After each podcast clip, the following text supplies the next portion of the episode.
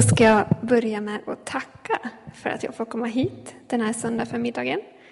Jag heter Veronica Söderlund och jag känner Daniel här från Pingkyrkan i Timrå. Och min mamma som sitter där nere och lite andra Timrå pingstfolk. Eh, jag är 26 år gammal och jag bor i Gävle för tillfället, men jag kommer från Ljustorp, som ni kanske känner till. Nu kanske ni, jag heter Söderlund i efternamn. Jag vet inte om någon kanske känner min farmor och farfar, eller kände kanske. Gilbert och Gunnel heter de. Eh, ja. jag, ska, jag känner mig väldigt privilegierad att få predika här idag. Eh, jag älskar sådana här sammanhang.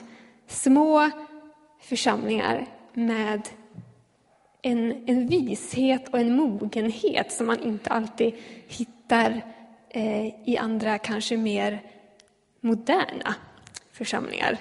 Eh, och jag ska försöka med stor ödmjukhet försöka få fram mitt budskap idag. Eh, jag kan också säga att jag har gått på Götabro bibelskola, för er som kanske känner till den. En av Sveriges äldsta bibelskolor som ligger utanför Örebro. Och där har jag präglats och fått uppleva Gud och känner att hans ord det är någonting jag vill satsa på. Det är någonting jag, jag känner för. Jag vill, jag vill predika Guds ord. Eh, temat, eller rubriken för den predikan jag vill hålla idag är Syns han eller skyms han? Och han med stora bokstäver, så som i Jesus. Och innan jag börjar predika så har jag bett min mamma här sjunga en sång. För den här sången är inspirationen till den här predikan som jag vill hålla idag. Sången är skriven 1893 av en kvinna som heter Leila Morris.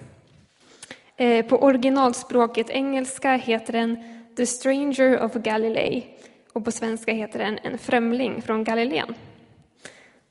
Så nu, nu kör vi lite enkelt här så blir det bra. Jag ska försöka det. Jag står ut i tankar försänkt en dag vid Genesarets strand allén Och jag känner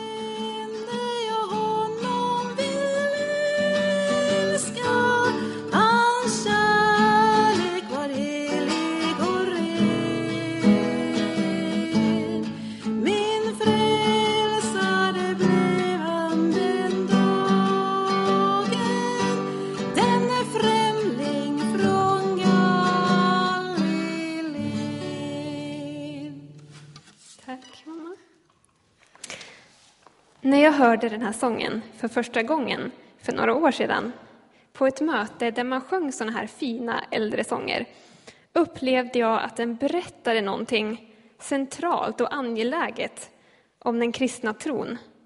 Något som betonas allt oftare i äldre sånger men som man kan uppleva inte ges lika tydligt utrymme idag. Detta något kan beskrivas med det numera inte så väl använda ordet gripenhet.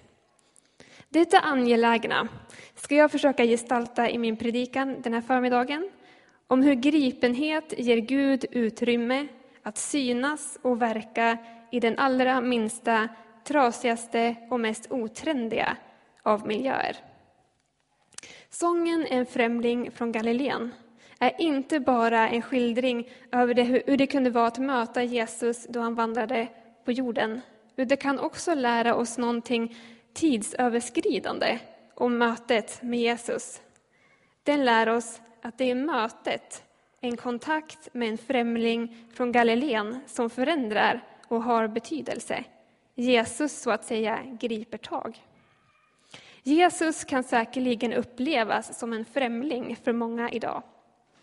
Antingen har man knappt hört talas om honom, man kanske har hört talas om honom i skolan, på skolavslutningen, på bröllop eller begravning. Men sången och erfarenheten visar att ett möte med honom förändrar honom från en främling till en frälsare.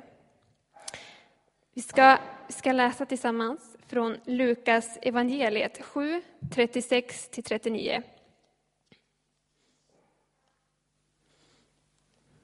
Och Jesus möter kvinnan som smörjer honom, hans fötter.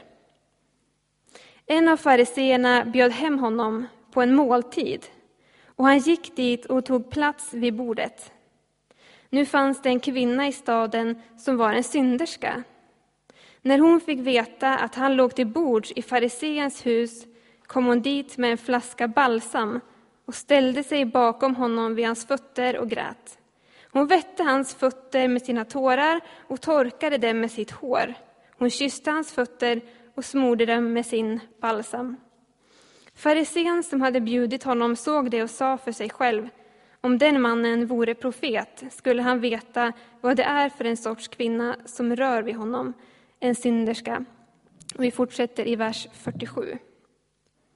Därför säger jag dig, hon har fått förlåtelse för sina många synder, ty hon har visat stor kärlek. Den som får lite förlåtet visar lite kärlek. Och han sa till henne, dina synder är förlåtna. De andra vid bordet sa då för sig själva, vem är han som till och med förlåter synder? Men Jesus sa till kvinnan, din tro har hjälpt dig, gå i frid. En av mina favoritförfattare heter Magnus Malm. Och han skriver om den här berättelsen i Bibeln så här. Vi kan inte släppa historien här. Det finns nämligen en fortsättning. Den här kvinnan får hjälp att bryta med ett nedbrytande livsmönster. Hon kommer på fötter, får så småningom stabila relationer, kanske en familj, barn eller barnbarn. Men vad händer i andra eller tredje generation efter henne? De kanske har ärvt hennes tro på Jesus, men de kan aldrig ärva hennes kärlek till honom. Den måste varje ny generation erövra in på bara skinnet. Malm beskriver hur kärlek inte går i arv. Tro kan gå i arv, men inte kärleken till Jesus. Den kan man få vid första anblick eller som en frukt av ett liv i tro. Om det är något människor behöver se eller uppleva från kyrkans marginaliserade plats så är det Jesu person. Få höra Jesu röst bland allt annat buller. Och jag tror, och ska försöka förklara varför jag tror, att Jesus centrering är angeläget i våran tid. Jag skulle vilja berätta om en händelse som hände en av mina vänner i Gävle. Han är, han är kristen och eh, den här händelsen skedde på internet, detta moderna fenomen, eh, och på Facebook. Eh, han la ut en, en video på sin Facebook-sida utav en, en gudstjänst som sändes i SVT från en kyrka i Stockholm som heter Hillsong, som är en, en modern och, och ung kyrka. Och han ville att hans kompisar skulle få se hur det kunde gå till i en, en ny och modern kyrka.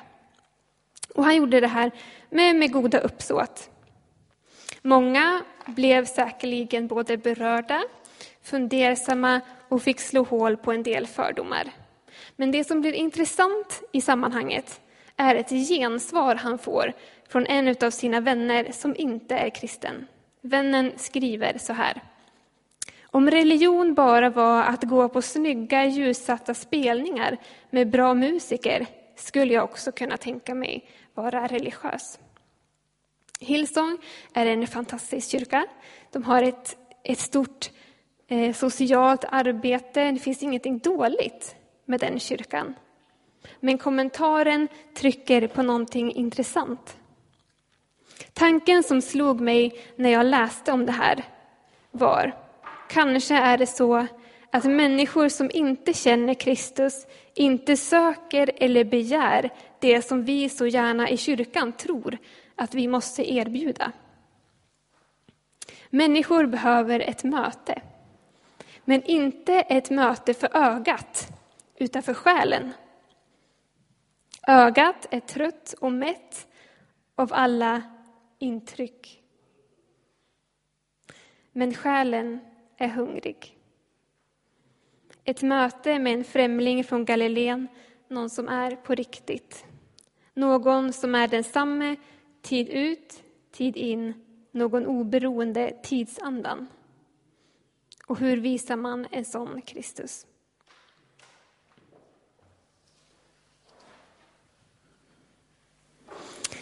Om man börjar läsa lite om den unga generationen som växer upp i Sverige idag. Man brukar ofta tala om olika generationer. Det finns X eller Y eller 40-talister och 60-talister. Så kommer man snabbt kunna se att det som den nya generationen i Sverige letar efter idag, det är gen genuinitet. Alltså det som är på riktigt, okonstlat och äkta. Och kanske är det inte så konstigt. Vi lever i en värld där inte så mycket är på riktigt. Vi har reklam som lovar något som man inte kan hålla. Man tecknar avtal med dolda avgifter. Man köper en billig produkt som håller en eller två gånger. Och I denna längtan efter äkthet står kyrkan och församlingen. Just denna äkthet förklaras i sången. Ett oemotståndligt möte med Jesus. Det är där det både börjar och slutar. Intressant blir då hur jag väljer att porträttera honom. Kyrkan, med mig själv inkluderad, måste kunna se igenom min egen trendkänslighet. Det betyder inte att kyrkan aldrig får förändras eller hitta nya vägar att nå ut med budskapet. Men det betyder att jag måste kunna lyfta min blick över min egen stil eller kyrkliga uttryck. Att hitta fram till Jesus på nytt och på nytt igen. En annan sång som jag har fastnat för, som till skillnad från en främling från Galileen är skriven på 2000-talet av en amerikansk sångare och låtskrivare som heter Jimmy Needham. Men sången talar om någonting liknande. Sångens titel talar ett tydligt budskap. Clear the stage. På svenska kan man översätta det med töm scenen eller töm estraden. Skulle det kunna vara så att det finns fler saker än vår synd som skymmer Kristus i våra liv? Göms han ibland under all fin bråte vi så gärna vill ställa fram och visa upp?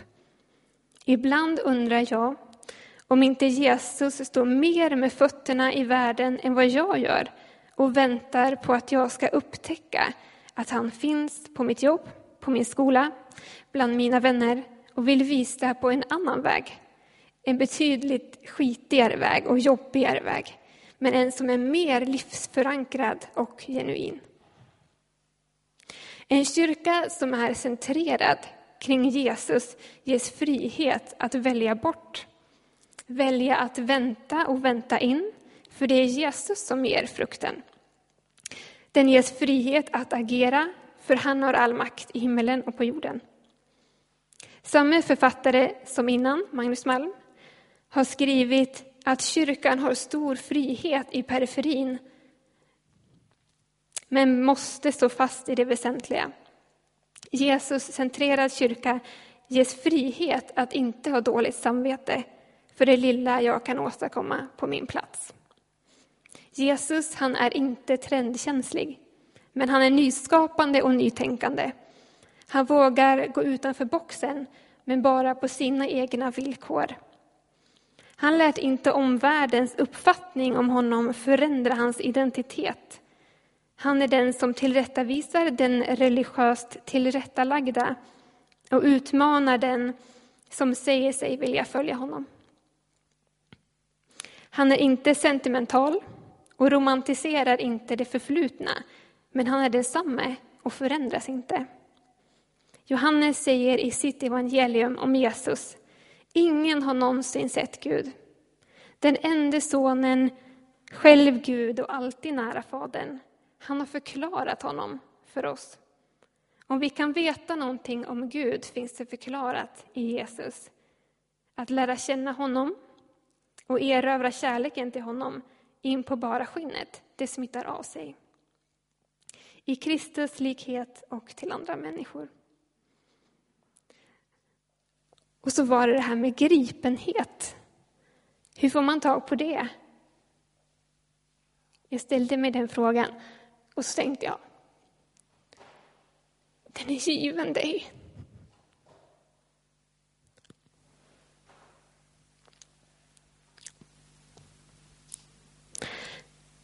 Den är given dig.